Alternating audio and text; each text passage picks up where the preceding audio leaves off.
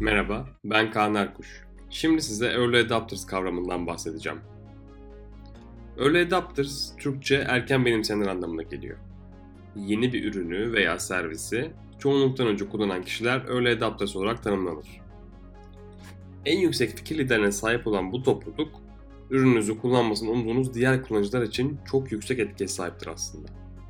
Ayrıca bu kitle risk alır ve trendi belirler de diyebiliriz.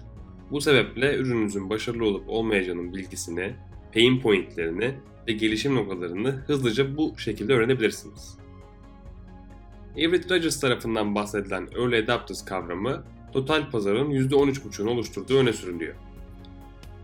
Ek olarak bu kitlenin özelliklerinden bahsetmek gerekirse genellikle genç, sosyal etkisi yüksek, finansal erişimi yüksek ve iyi eğitimli olarak gözlenmektedir. Örneğin Apple yeni bir iPhone'u pazara sunduğunda sabahın köründe Apple mağazalarının önünde kuyruklar oluşur. Yeni çıkan bu ürüne ilk erişmek isteyen bu kitle yüksek ücretler ödemeye hazırdır ve aslında Early Adopters kavramına en uygun kitle diyebiliriz. Birçok şirket Early Adopters'tan gelen geri bildirimleri iyi değerlendirip okumalı ancak aksiyona dönebilir anlamlı içgörüleri yakalamalıdır. Örneğin ürününüzü pazara göre fiyatlamaya çalışıyorsanız ülkenin ekonomik durumuna göre Early Adopters'ı ölçümlemek çok da mantıklı bir strateji olmayabilir.